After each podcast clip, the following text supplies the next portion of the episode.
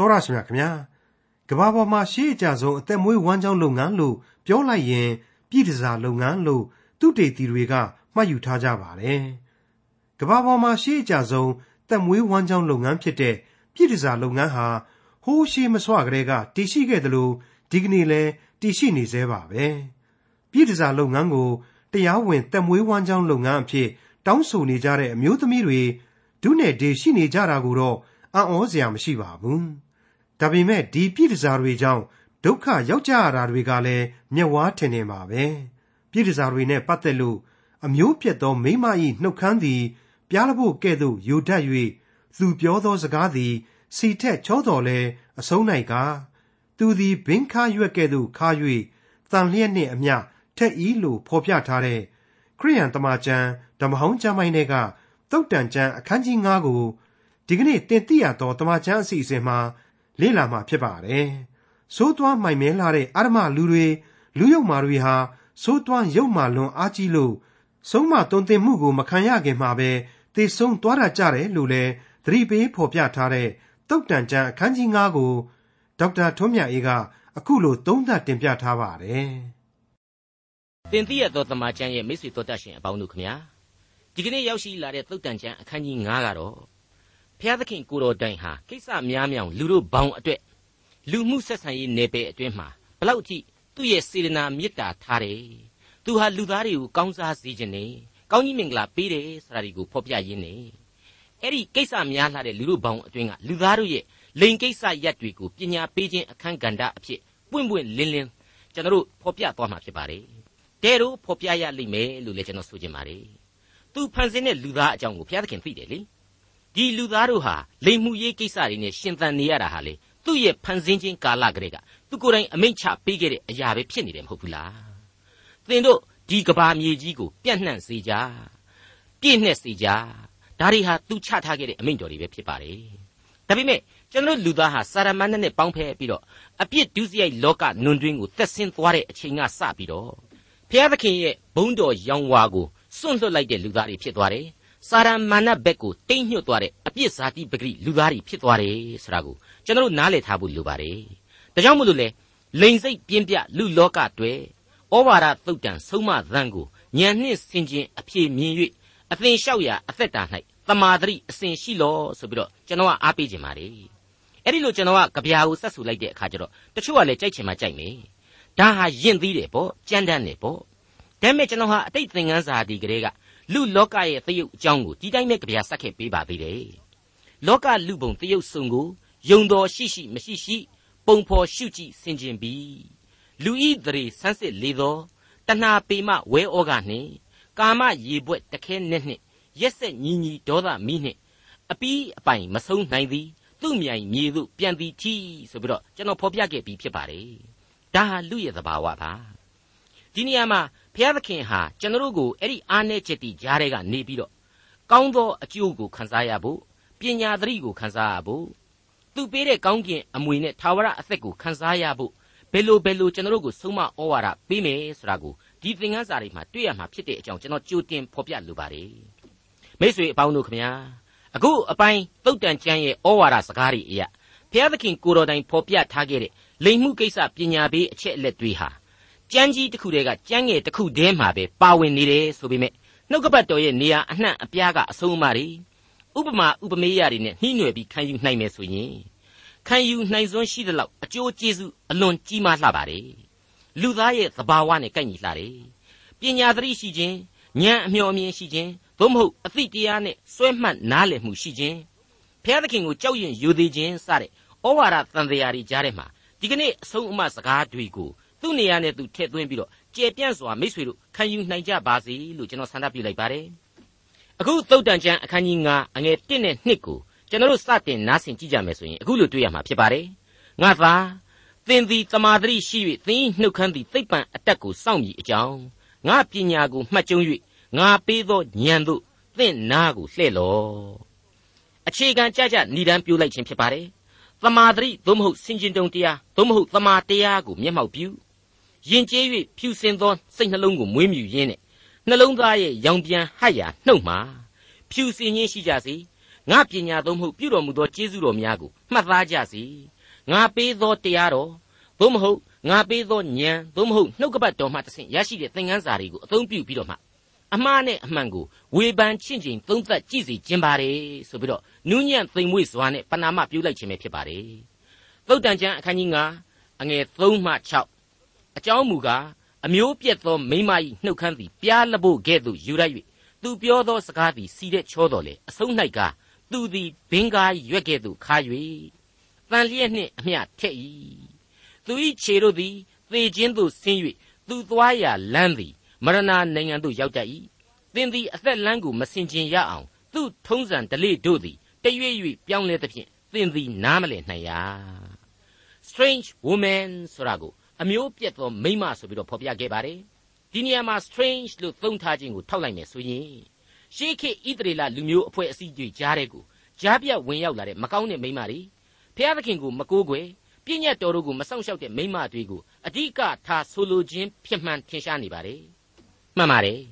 ပြည့်ညတ်တော်တို့ရဲ့ဓမ္မဟောင်းကျမ်းများရဲ့သဘောတရားအရဆိုရင်ဣသရေလမိန်းမဒီထဲမှာတော့ပြည့်တစားအလုံးနဲ့အသက်မွေးဖို့နေနေသားသား အိမ်တောင်ရေးလော်လီဖောက်ပြားမှုတော်ယုံတန်ယုံလောက်နေတောင်မှခဲနဲ့အပေါက်ခံရပြီးတော့အသက်ခံရလိရှိတယ်ဆိုတာကိုကျွန်တော်တို့ပြည့်ညတ်တော်တွေအရာနားလည်ထားရပါတယ်ဒီတော့ယေဘူးယအားဖြင့်ဣသရေလလူမျိုးတဲမှာတော့ဒီလိုမကောင်းတဲ့မိမပြည့်တစားမျိုးတွေမရှိဘူးဆိုတဲ့သဘောမျိုးအမှန်ပဲရှိပါတယ်ဘယ်လိုပဲဖြစ်ဖြစ်ပါဓမ္မသမိုင်းစာမျက်နှာတွေမှာတော့အဲ့ဒီလိုမိမတွေဟာဣသရေလလူမျိုးတဲမှာလုံးဝကင်းရလားဆိုရင်တော့ကင်းတယ်လို့မဆိုနိုင်ပါဘူးပြည့်ညတ်တော်တွေဘလောက်ပဲရှိရှိတားမြစ်ချက်တွေဘလောက်ပဲရှိရှိ ခဲနဲ့ပေါက်သားရမယ်လို့ဘလောက်ပဲပြောပြောဣသရေလလူမျိုးတဲမှာလေရှိကိုရှိခဲ့တယ်ရှိခဲ့လို့လေခရစ်ဝင်ကျမ်းတွေကဣသရေလရှမာရိမိမတယောက်ကိုခရစ်တော်ဆုံးမသွန်သင်ခဲ့ရတာတွေဣသရေလကျမ်းတတ်တဲ့ပါရိရှဲတွေကဖောက်ပြန်နေတဲ့အမျိုးသမီးတယောက်ကိုခဲနဲ့ဝိုင်းပြီးတော့ပေါက်ပြီးတော့တတ်ရမလားမတတ်ရဘူးလားဆိုပြီးတော့ခရစ်တော်ကိုအပြစ်ရှာဖို့မေးခွန်းထုတ်ခဲ့တာတွေအဲ့ဒီအချိန်မှာခရစ်တော်ကနေပြီးတော့မင်းတို့တွေကအပြစ်မရှိတဲ့လူကနေပြီးတော့စပြီးတော့ပေါက်ကြပေါ့ကွာဆိုတော့အပြစ်နဲ့တယောက်မှမကင်းတဲ့လူအဖွဲ့အစည်းတွေကလူသားတွေဟာ သူတို့ပေါက်တတ်ကြမဟဲဆိုပြီးတော့ကောက်ထားတဲ့ခဲလေးတွေကိုကိုစီအောက်ပြန်ချပြီးတော့ငိုက်ဆိုင်ငိုက်ဆိုင်နဲ့ပြန်သွားကြတယ်ဆိုတာဒီကိုကျွန်တော်တို့ခရစ်ဝင်ကျမ်းဒီမှာတွေ့ခဲ့ကြပြီးသားဖြစ်ပါတယ်ဒီအပိုင်းဒီမှာရှေးခေတ်ကာလအမြင်ပေါ်မှာအခြေခံပြီးတော့ဖော်ပြတဲ့အချက်တွေဆိုပြီးတော့တစ်ဖက်စောင်းနေမတွေ့ရပါဘူးကဘာဦးလူအဖွဲ့အစည်းကစပြီးတော့သမိုင်းကာလတစ်လျှောက်လုံးမှာဒီလိုပြည်တစားတွေဟာရှိတယ်ပြည်တစားတွေလိုက်စားမှုတွေရှိခဲ့တယ် မတရားတဲ့မေထုံမှီဝဲမှုတွေရှိခဲ့တယ်ဆိုတာကိုကြမ်းအဆက်ဆက်ကျွန်တော်တို့ဖော်ပြခဲ့ပြီးဖြစ်လို့ညင်းလို့မရနိုင်ပါဘူးကမ္ဘာသမိုင်းပညာရှင်တချို့ကတော့ the prostitution is the oldest profession of the world ဆိုပြီးတော့တောင်ပြောပါတယ်ဒီကဘာပေါ်မှာဒီပြည်တစားလုပ်ငန်းဟာရှေးအကြဆုံးခေဟောင်းအကြဆုံးသောစီးပွားရေးလုပ်ငန်းကြီးဆိုပြီးတော့တောင်မှသူတို့သတ်မှတ်တာကိုကျွန်တော်တို့ကြားဘူးပါတယ်အဲ့ဒီလိုမတရားသောမေထုံမှီဝဲမှုတွေကြောင့်လေမြို့ပြကြီးတွေပြက်ခဲ့ရတယ်လူမျိုးတွေပင်လျင်ပြက်သုံးခဲ့ရတယ် လူတဦးချင်းလဲယောဂဗျာတွေရခဲ့ကြတယ်ဆိုတာတွေဟာသူ့အပိုင်းနဲ့သူပြန်ပြီးတော့တွေးနိုင်ပါလိမ့်မယ်မိတ်ဆွေအပေါင်းတို့ခမညာသူပြောတဲ့စကားတွေဟာတစ်စီတဲ့ချောတယ်တဲ့ပြည့်တစားမတွေကိုပြောနေတာပါနော်တစ်စီတဲ့သူ့ရဲ့စကားတွေဟာချောမွေ့တယ်ဒါပေမဲ့အဲ့စကားလုံးတွေဟာတန်လျက်နဲ့ထိုးတယ်လို့ဖြစ်လာလိမ့်မယ်တဲ့နှစ်သူ့ရဲ့ခြေလှမ်းတွေဟာအောက်ကိုပဲဆင်းတယ်လို့ရှိတယ်တနည်းပြောရရင်တော့အပြည့်ရိတ်ကိုပဲသွားနေတယ်ပေါ့ သုံးအသက်လန်းရှိသေးတယ်ဆိုတာကိုတောင်မစင်ကျင်နိုင်တဲ့အထိအမှောင်ကျသွားစေတယ်။တနည်းအားဖြင့်အဝိဇ္ဇာဖုံးလွှမ်းသွားစေတယ်ဆိုတဲ့သဘောဖြစ်ပါတယ်။လေးတရွေ့ရွေ့ပြောင်းလဲခြင်းတဲ့ဟုတ်ပါတယ်။အဲ့ဒါကတော့လုံပါပါခြင်းပဲပေါ့။ဟိုတစဒီတစနဲ့ပျက်စီးပျောက်ကွယ်သွားစေတယ်ဆိုတဲ့အဓိပ္ပာယ်ပါပဲ။အဲ့ဒီတော့အခုဖော်ကျူးဖွဲ့ဆိုတဲ့ကျမ်းစကားတွေထဲမှာကိုကဒီလိုဖောက်ပြန်သောအပြစ်အတိုင်းအဝိုင်းတစ်ခုလုံးဟာ ဘယ်ဘက်ကမှမကောင်းဘူးဆိုတာကိုဖော်ပြပြီးသားဖြစ်နေပါပြီ။သုတ်တန်ကျမ်းအခန်းကြီး9အငယ်9ကနေ17တို့ဖြစ်၍ငါသားတို့ငါစကားကိုနားထောင်ကြလော့။ငါဟောပြောချက်တို့ကိုမပယ်ကြနှင့်။ထိုသို့သောမိမကိုဝေးစွာရှောင်သွားလော့။သူ့နေရာတကားဝသို့မချင်းနှင့်။သို့မဟုတ်သင်သည်ကိုယ်ဂုံအသရေကိုသူတစ်ပါး၌၎င်းကိုယ်အသက်ကိုကြမ်းတမ်းသောသူတို့၌၎င်းအပ်လိမ့်မည် တပားအမျိုးသားတို့သည်သင်၏စည်းစိမ်နှင့်ပြေဝကြလိမ့်မည်သင်လုံး၍ရသောဥစ္စာသည်တပားအမျိုးသားအိမ်သို့ရောက်လိမ့်မည်နောက်ဆုံး၌သင်အသာသင်ကိုယ်ကာယဆွေးမြေ့သောအခါအဲ့ဒီလိုဖော်ပြထားတာကိုတွေ့ရပါတယ်ငါစကားငါဟောပြောခြင်းဆရာဒီဟာနှုတ်ကပတ်တော်သမာတရားပဲဖြစ်ပါတယ်တနည်းအားဖြင့်ဆိုရင်တော့ဖဖျားသခင်အနားမှာနေပါဆိုတဲ့အချက်ကိုဖော်ပြလိုက်တာပါပဲပြီးတော့မှတခါထို့သောသောမိမသို့မဟုတ်ထိုမိမဤနေရာအိမ် သို့မဟုတ်ထိုမိမကိုကိုစားပြုသောစာရမဏတ်တီရှိရာအရက်ကိုဝေးစွာမှရှောင်ရှားပါအဲ့ဒီလိုဝေးစွာမှရှောင်ရှားပါလို့ဒီနေရာမှာဖော်ပြလိုက်တဲ့အခါကျတော့မိษွေတို့အဲ့ဒီလိုဝေးစွာဆိုတဲ့နာမဝိသေသနာကိုသုံးဆွဲခဲ့တဲ့တနေရာကိုမိษွေတို့မှတ်မိကြမယ်လို့ကျွန်တော်အောက်မေ့မိပါတယ်ကျွန်တော်တို့ဟာပျောက်သောသားရဲ့အဖရဲ့နေအိမ်ကနေပြီးတော့ဝေးစွာသောပြီးဆိုတဲ့အရက်ကိုထွက်သွားခဲ့ပုံအကြောင်းကိုကျွန်တော်တို့ရှင်လုကာခရစ်ဝင်ကျမ်းမှာကြားခဲ့ရပြီဖြစ်ပါတယ် အဖရဲ့အိမ်တော်ကနေဆိုရင်တော့တကယ်ကိုဝေးကွာလှမ်းတဲ့ဝေးစွာသောပြီးအမှန်ပါပဲဒါပေမဲ့ကျွန်တော်တို့ရဲ့ဇာတိပဂရိစိတ်နဲ့ဆိုရင်တော့မဝေးပါဘူးနော်အလွန်အလွန်နီးကပ်နေပါတယ်ကျွန်တော်ရဲ့အသွေးအသားစန္ဒနဲ့ရမက်တွေနဲ့အလွန်ကိုက်ညီပါတယ်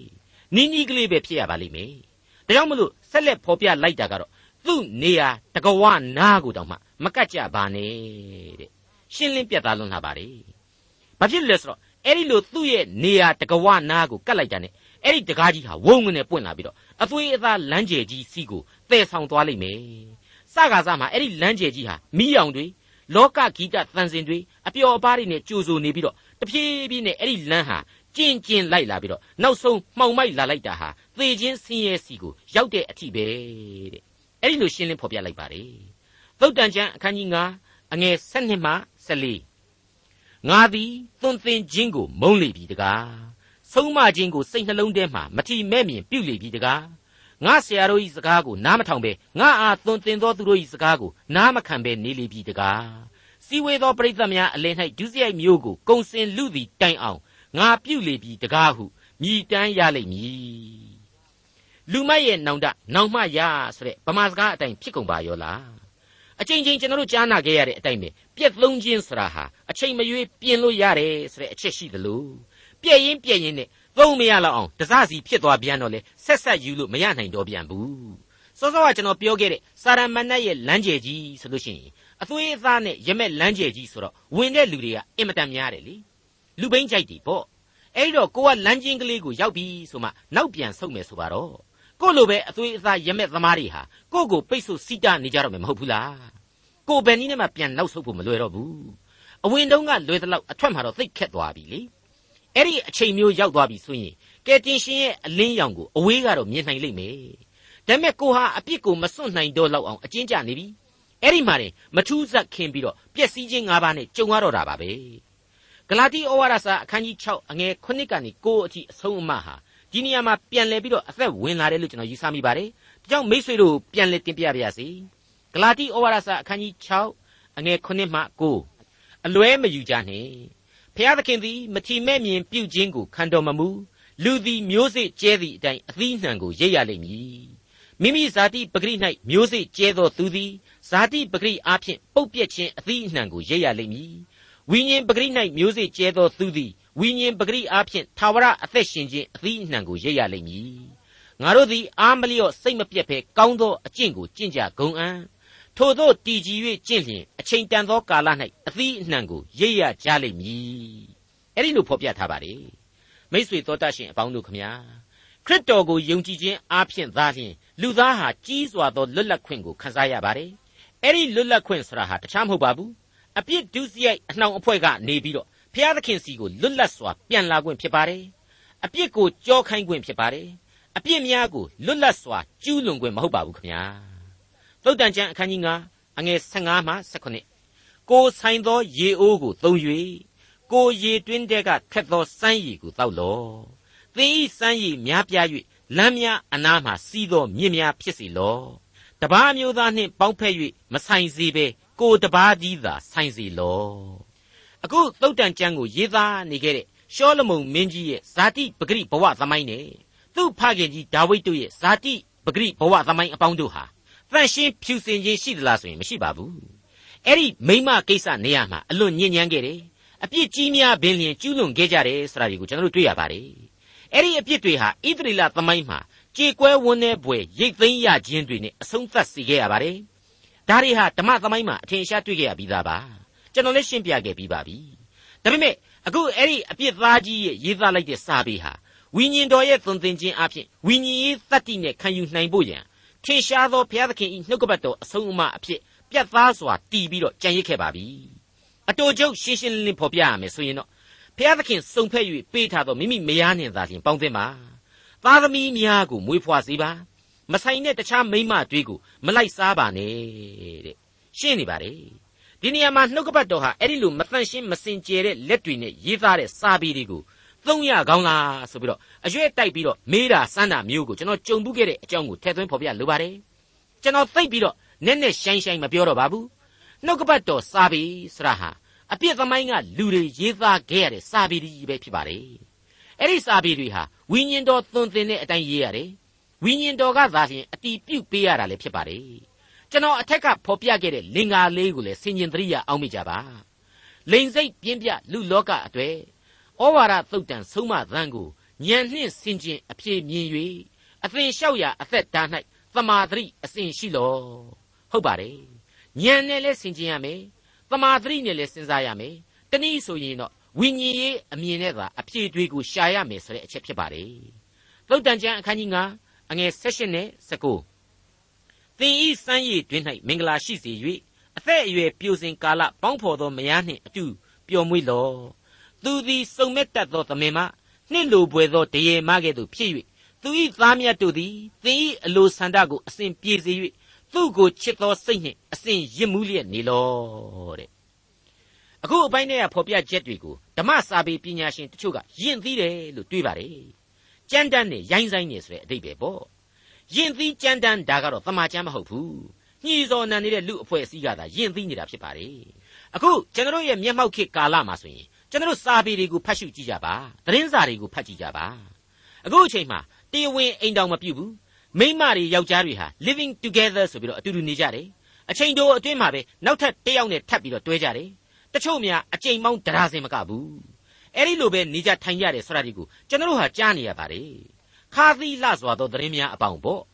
အဲ့ဒီတော့အခုသုတ်တန်ကျန်သင်ခန်းစာဟာဣသရေလရှေးခေတ်မှသည်ဒီကနေ့စီတိုင်အောင်ခင်မိနေတယ်ဆိုတာရှင်းနေပြီမဟုတ်ဘူးလား ဟေဘရဲဩဝါဒစာအခန်းကြီး73အငယ်1ကနေ4အတွင်းမှာဖတ်ကြည့်မယ်ဆိုရင်အလွန်ကောင်းမွန်တဲ့လူသားတို့ရဲ့ချစ်ချင်းမေတ္တာရဲ့သဘောတရားတွေကိုကျွန်တော်ရှင်းလင်းပြသစွာသိနိုင်ပါတယ်ညီအကိုချင်းချစ်ချင်းမေတ္တာ၌တည်ကြလော့ဧည့်သည်ဝတ်ပြုခြင်းအမှုကိုမမေ့မလျော့ကြနှင့်အချို့သောသူတို့သည်ဧည့်သည်ဝတ်ကိုပြုသည်တွင်ကောင်းငင်တမန်တို့ကိုအမှတ်တမဲ့ဧည့်ခံကြရပြီအကျဉ်းခံရသောသူတို့နှင့်အတူကိုခံရတဲ့ကဲ့သို့မှတ်၍သူတို့ကိုအောက်မေ့ကြလော့သင်တို့သည် ကိုခန္ဓာနှင့်မကင်းမလွတ်သောသူဖြစ်၍ညှင်းဆဲခံရသောသူတို့ကိုအောက်မေ့ကြလော့ခတ်သိမ်းသောသူတို့၌မင်္ဂလာဆောင်ခြင်းအမှုနှင့်သစ္စာသံဝါသပြုခြင်းအမှုသည်အသရေရှိစေလော့မတရားသောမေထုံကိုပြုသောသူနှင့်သူ့မယားကိုပြစ်မှားသောသူကိုဖျားသခင်စစ်ကြောစီရင်တော်မူလိမ့်မည်တဲ့အဲ့ဒီဟေပြဲဩဝါဒစာတွေကအဆုံးအမဟာအလွန်ပြည့်စုံလုံလောက်မှုရှိတယ်လို့ကျွန်တော်ခံယူပါတယ်သင်တို့သည်ကိုခန္ဓာနှင့်မကင်းမလွတ်သောသူဖြစ်၍ ညှင်းဆဲခံရသောသူတို့ကိုအောက်မေ့ကြလော့ဆိုတဲ့အချက်ဟာအတော့ကိုထိရောက်တယ်အတိတ်ပဲလေးနဲ့တလို့ကျွန်တော်ဒီနေရာမှာတင်ပြခြင်းပါတယ်တခြားညှင်းဆဲခြင်းတွေအမျိုးမျိုးတဲကမှကိလေသာလောင်မြိုက်ခြင်းကိလေသာဤပူလောင်ညှင်းဆဲမှုတွေကိုထည့်ပြီးတော့ကြည်ပါအဖြစ်ဟာအလွန်ပြတ်သားရှင်းလင်းလာလိမ့်မယ်လို့ကျွန်တော်တင်ပြခြင်းပါတယ်တနည်းပြောရရင်တော့ကိုယ့်ရဲ့ဇာတိပဂရိဘဝအမှန်ကိုသိအဲ့ဒီအားနည်းချက်ကိုဝန်ခံပြီးတော့မှဘုရားသခင်ကိုဆုတောင်းအသက်ရှင်မဟုတ်မတရားတာတွေကိုမလုပ်နဲ့ ကိုစိုက်တဲ့အတိုင်းကိုပြန်ပြီးတော့ရိတ်သိမ်းရလိမ့်မယ်အပြစ်တွေခံရလိမ့်မယ်ဆိုတာကိုလွယ်လွယ်ကလေးဖော်ပြလိုက်တာပါပဲမိတ်ဆွေအပေါင်းတို့ခမညာဒါဝိဒ်မင်းကြီးကဒီအပြစ်တွေနဲ့လွတ်လွတ်လားအခုဒီသုတ်တန်ကျမ်းကိုရှောလမုန်မင်းကြီးရေးနေတယ်နော်အဲ့ရှောလမုန်မင်းကြီးဟာလေဒီလိုပဲမှားယွင်းခြင်းအပြစ်တွေအတွက်ဣသရေလသမိုင်းမှာပြန်လည်ပေးဆက်ခဲ့ရတယ်ဆိုတာကိုဓမ္မရာဇဝင်ဟာရှင်းလင်းစွာဖော်ပြခဲ့ပြီးဖြစ်ပါတယ်ရှင်ပေတရုဩဝါဒစာပထမစာဆောင်အခန်းကြီး3အငယ်9မှာအခုလိုဖော်ပြထားပါတယ် ထိုနည်းတူယောက်ျားတို့ဆုတောင်းခြင်းအမှု၌အစည်းအတားမရှိစေခြင်းဟာအသက်ရှင်ခြင်းကျေးဇူးတော်ကိုဆက်ဆံ၍အမွေခံရသောသူချင်းကဲ့သို့သတိပညာနှင့်လျော်စွာကိုခင်ပွန်းနှင့်အတူနေ၍အားနည်းသောသူကိုပြုသင့်သည့်အတိုင်းသူ့ကိုစောင့်မပြုစုကြလော့တဲ့ဘလောက်ကောင်းလေယောက်ျားများနဲ့ပတ်သက်ပြီးတော့အိမ်တောင်ဦးစီးဦးစီးပြီးပြီးကိုမိမအပေါ်မှာသစ္စာစောင့်ပါပြုစုပါတဲ့အဲ့ဒီလိုဆုံးမလိုက်ခြင်းပါ အဲ့ဒီလိုရှင်းလင်းဖော်ပြထားတဲ့အဆုံးအမကိုမှထပ်ပြီးတော့အားဖြည့်ပေးလိုက်တဲ့အချက်ကတော့အဲ့ဒီရှင်ပေတရုဩဝါဒစာမှာပဲပထမဆောင်မှာပဲအခန်းကြီး3အငယ်8ဖြစ်ပါတယ်အချုပ်အခြာစကားဟူမူကားသင်တို့အပေါင်းသည်စိတ်တညီတညွတ်ကြီးရှိကြလော့စစိတ်ကျင်နာခြင်းညီအကိုချင်းကဲ့သို့ချစ်ခြင်းတနာစုံမဲ့ခြင်းစိတ်နှိမ်ချခြင်းရှိကြလောအဲ့ဒီလိုဖြစ်ပါတယ်ဒီတော့ကိုယ့်ရဲ့ကာမဂုဏ်ဖောက်ပြန်မှုတွေကိလေသာညစ်ညူးခြင်းစိတ်အစဉ်တွေကိုထိမ့်ချုပ်ရမှလေ ဘုရားသခင်စီကနေခွန်အားယူကြရလိမ့်မယ်ဘုရားသခင်စီကဝိညာဉ်ခွန်အားအပြင်သနာကျင်နာခြင်းဂယုဏကိုမျှော်တရမယ်ကိုယ်တိုင်ဟာလေလူသားချင်းချင်းသနာကျင်နာခြင်းရှိရမယ်ကိုမိမ့်မကိုယ့်ရဲ့အဆွေခင်ပွန်းအပေါ်မှာကိုဟာသနာကျင်နာခြင်းရှိရမယ်ညှာတာခြင်းရှိရမယ်ကိုချင်းစာနာစိတ်ရှိရမယ်ဆိုတဲ့ကောင်းသောမနှောတွေမွေးမြူကြရမယ်အကြောင်းဟာပါလာပါပြီကျွန်တော်ကတော့ကိုယ့်ဘဝအတွေ့အကြုံတွေနဲ့ပဲရှင်ပြီးတော့မြင်ရတာကိုပြောချင်ပါတယ်အဲ့ဒီလိုဘုရားသခင်ရှေ့တော်မှောက်မှာတိဆောက်ပြီးတော့ လူရှိဘုရားသခင်ရှေ့မှာတင်းတင်းတဲတဲနဲ့ဘုရားသခင်ရဲ့ဂုံအထရေကိုဆောင်ယူပြီးတော့တီထောင်တဲ့အိမ်တောင်တွေဘုရားသခင်ရဲ့အလိုတော်နဲ့အညီရှင်သန်ခဲ့တဲ့အိမ်တောင်တွေမှန်သမျှဟာသာယာဝပြောခြင်းအလိုလိုရှိတယ်ဘုရားသခင်ရဲ့ကျေးဇူးတော်ကိုလည်းတနည်းမဟုတ်တနည်းအစဉ်တစိုက်ခံစားကြရစမြဲပဲဖြစ်တယ်ဆိုတဲ့အချက်ကိုကျွန်တော်ရဲ့ဘဝအတွေ့အကြုံနဲ့ကျွန်တော်ကရှင်းပြီးတော့မြင်မိပါတယ်ဟုတ်ပါတယ်ကျွန်တော်အခုအသက်50ရှိပါပြီကျွန်တော်တွေ့ကြုံခဲ့ရတဲ့ခရိယန်မိသားစုကြီးတွေကိုကျွန်တော်လိုက်လံအကဲဖြတ်ပြီးတော့ ဒီအဖြေကိုထုတ်နှုတ်ရယူနိုင်ခြင်းဖြစ်ပါတယ်မိတ်ဆွေအပေါင်းတို့ခမညာသုတ်တန်ကျမ်းအခန်းကြီး9အငယ်20နဲ့21ကိုဆက်ပြီးကြည့်ကြပါငါသာသင်သည်အမျိုးပြက်သောမိမနှင့်အဘယ်ကြောင့်ယစ်မှုသနည်းပြည်တစားမဤရင်ဘတ်ကိုအဘယ်ကြောင့်ဖက်ရန်သနည်းလူသွားလာသမျှသောလမ်းတို့သည်ထာဝရဘုရားမျက်မှောက်တော်၌ရှိကြ၍သွားလာသမျှသောအချင်းအရာတို့ကိုစူးစမ်းတော်မူ၏ဒီအပိုင်းကိုရောက်လာတဲ့အခါကျတော့ 136ခုမြောက်သောဆာလံသီးခြင်းကိုပြန်ပြီးတော့သတိရစရာဖြစ်လာပါတယ်ဝိညာဉ်တော်နှင့်လွတ်ခြင်းအလို့ငှာအဘယ်အရက်သို့ပြေးနိုင်ပါမည်နည်းတဲ့ဒါဝိမင်းကြီးအဲ့ဒီအတိုင်းမေးခွန်းထုတ်ခဲ့ပါတယ်ကျွန်တော်တို့ဘယ်ကိုမှပြေးလို့မရပါဘူးလူအချင်းချင်းဖုံးကွယ်လို့ရပါလိမ့်မယ်လှည့်ပတ်လို့ရနိုင်ပါလိမ့်မယ်ဖျားသခင်ရဲ့ရှေ့တော်မှောက်ကနေတော့လွတ်မြောက်အောင်ဘယ်ကိုမှမပြေးနိုင်ပါဘူးအခုဒီသုတ်တန်ကျမ်းစကားတွေမှာကြတော့မင်းဟာမင်းရဲ့မိသားစုမင်းရဲ့အသင်းတော်မင်းရဲ့အတိုင်းအဝိုင်း မင်းရဲ့မိဘဆွေမျိုးတွေစီကနေပြီးတော့အမှောင်ကွယ်ပြီးတော့မဟုတ်တန်တရားတွေလောက်တာကိုလူအချင်းချင်းလျှို့ဝှက်လို့ရကောင်းရနိုင်လိမ့်မယ်ဘုရားသခင်ရဲ့မျက်စိအောက်ကနေတော့ဘယ်နည်းနဲ့မှမလွတ်နိုင်ဘူးတဲ့ဘုရားသခင်ဟာလူသွားလာသမျှသောအချင်းအရာတို့ကိုစူးစမ်းတော်မူ၏တဲ့ကောင်းကောင်းကြီးသတိပေးလိုက်ပါလေကျွန်တော်တို့ဒီအချက်တွေဟာမပြတ်မကွက်ရင်ဝယ်ပိုက်ထားရမယ့်အချက်တွေသတိထားရမယ့်အချက်တွေပဲဖြစ်ပါတယ်မှန်ပါတယ်မိတ်ဆွေအပေါင်းတို့ဘုရားသခင်အဖို့နေညမရွေဆိုသလိုအချိန်ကာလအချိန်အနေမရွေ လူသားကိုမြင်ရပါတယ်သူဟာအနန္တတကုရှင်ဖြစ်တော်မူတယ်လူသားကိုဖန်ဆင်းပိုင်သသလိုအပြစ်ပေးပိုင်တော်မူသောသခင်ဖြစ်တယ်ဖြက်စီးပြစ်နိုင်သလိုတိဆောက်ပေးနိုင်သောအနန္တတကုရှင်အကျွင့်မဲ့အာနာရှင်ဖြစ်တယ်ဆိုတဲ့အချက်တွေးကိုကျွန်တော်မမိတ်မသုံနားလေလက်ခံသဘောပေါက်ထားကြပါစို့အေဖက်ဩဝါဒစာအခန်းကြီး9အငယ်22နဲ့23တုန်းကကျွန်တော်အခုလိုတွေ့ကြရပြီဖြစ်ပါတယ်အချင်းမိမ့်မာတို့သခင်ဖျားဤအုပ်ဆိုးတော်မူခြင်းကိုဝန်ခံတဲ့ကဲ့သို့ ကိုခင်ပွန်းဤအုပ်ဆိုးခြင်းကိုဝန်ခံကြလော့အကြောင်းမူကားခရစ်တော်သည်အသင်းတော်ဤအပေါ်မှာခေါင်းဖြစ်တော်မူတဲ့ကဲ့သို့ယောက်ျားသည်မိမိခင်ပွန်းဤအပေါ်မှာခေါင်းဖြစ်၏ခရစ်တော်သည်လည်းမိမိကိုယ်ကိုကယ်တင်တော်သူဖြစ်တော်မူ၏မိတ်ဆွေအပေါင်းတို့ခမညာကယ်တင်ရှင်သခင်ခရစ်တော်လို့တော့ကျွန်တော်ဟာအပြစ်ကင်းမဲ့တဲ့လူသားတွေဖြစ်မလာနိုင်ပါဘူးစင်လုံးကြောကြီးတွေမဖြစ်နိုင်ပါဘူးဖြူဖြူဖွေးဖွေးရေစင်းငါးကြီးတွေလို့အစဉ်တစိုက်ဖြစ်မနေနိုင်ပါဘူး။ ဘာဖြစ်လဲဆိုတော့အပြစ်ဇာတိပဂရိအစဉ်ရှိနေတယ်လေ။ဒါပေမဲ့ကယ်တင်ခြင်းကျေးဇူးတော်ကိုခံစားရသောသူဟာခရစ်တော်ရဲ့လူဘဝအသက်တာပုံစံကိုစ조사ပြီးတော့ဆောင်ကျင်းသွားကြရမှာဖြစ်ပါတယ်။မိษွေတော်တတ်ရှင်အပေါင်းတို့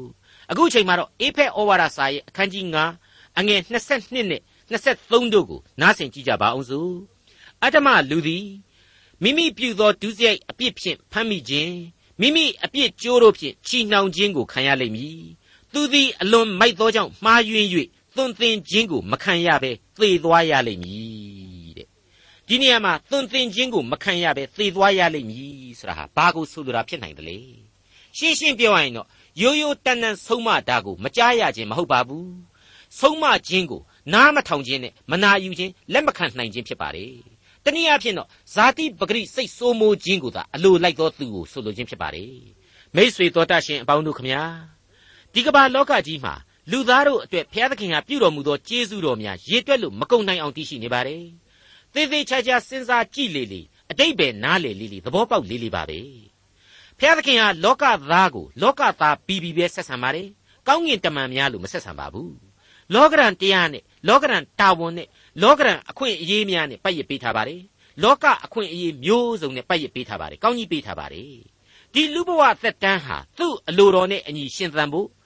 လူပေါင်းလောကသားပြီးပြီးလောကီသားတာဝန်တွေကိုလောကီသားပိသစွာတာဝန်တွေကိုခံယူဖို့စသဖြင့်ရှိနေပါတယ်တနည်းအားဖြင့်တော့လူပြီးပြီးနေနိုင်တယ်ဒါပေမဲ့ဘုရားသခင်ရဲ့နှုတ်ကပတ်တော်ဥပရိသတို့ကိုကင်ဆွဲကြရလိမ့်မယ်ကျေးဇူးနဲ့ဂရုနာတော်ကိုအစဉ်တစိုက်ခံယူကြရပါလိမ့်မယ်အရမလူသို့မဟုတ်မတရားသောလူဆိုတာဟာမင်္ဂလာရှိသောလူနဲ့ဆန့်ကျင်ဘက်ဖြစ်ပြီးတော့အပြက်လန်းပေါ်မှာဘယ်လိုလျှောက်သွားနေကြရလဲ ဘယ်လိုပျက်စီးဆုံးရှုံးကြရတယ်ဆိုတာကိုဆာလံတီချင်းများရဲ့အစမှာကလေးကကျွန်တော်တို့တွေ့ခဲ့ရပြီဖြစ်ပါတယ်အပြက်လန်းပေါ်ကလူနဲ့အသက်လန်းပေါ်ကလူတို့ရဲ့မတူညီသောသရုပ်များကိုကျွန်တော်တို့ဟာအဲ့ဒီဆာလံအဖွင့်မှာကလေးကထင်ရှားစွာသက်သေပြခဲ့ပြီဖြစ်ပါတယ်မတရားသောသူတို့ဟာထိုကဲ့သို့မဟုတ်ဘူး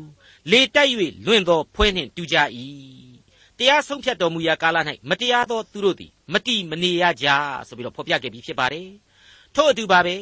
မတရားသောသူတို့၏တိုက်တွန်းခြင်းသို့မလိုက်လူဆိုးတို့၏လမ်းတွင်မရက်မနေမထီမဲ့မြင်ပြုသောသူတို့၏အစည်းအဝေး၌မထိုင်ထာဝရဘုရား၏တရားတော်၌မွေ့လျော်၍တရားတော်ကိုနင်းညံ့မပြတ်ဆင်ခြင်အောက်မေ့သောသူသည်မင်္ဂလာရှိ၏အကြောင်းမူကားထိုသူသည်မြင်နာမှစိုက်လျက်မိမိအချိန်တန်မှအသီးကိုသီး၍အရွက်မညှိုးနွမ်းတတ်သောအပင်နှင့်တူ၏ပြုလေသမျှတို့၌အောင်လိမ့်သည်ဆိုပြီးတော့ထင်ရှားပြတ်သားစွာဖော်ပြခဲ့ပြီးဖြစ်ပါတယ်ကျေးဇူးတော်ကိုချီးမွမ်းကြပါယခုဘဝအတွက်လမ်းညွှန်ချက်တွေကိုချထားပေးသလို လောကုတ်တရားအတွက်သာဝရအသက်ခရီးကိုဖော်ပြနေတဲ့သုတ်တန်ကြံသင်ခန်းစာများကိုအစဉ်တစိုက်ရင်ဝယ်ပိုက်နိုင်ကြပါစေလို့သင်သိရသောသမာကျမ်းအဖွဲ့မှလေးစားစွာဆုတောင်းမေတ္တာပို့သလျက်ရှိနေပါတယ်ဒေါက်တာထွန်းမြတ်၏စီစဉ်တင်ဆက်တဲ့သင်သိရသောသမာကျမ်းအစီအစဉ်ဖြစ်ပါတယ်နောက်တစ်ချိန်အစီအစဉ်မှာခရိယန်သမာကျမ်းဓမ္မဟောင်းကျမ်းပိုင်းတွေကသုတ်တန်ကျမ်းအခန်းကြီး6ကိုလေ့လာမှဖြစ်တဲ့အတွက်စောင့်မျှော်နားဆင်နိုင်ပါတယ်။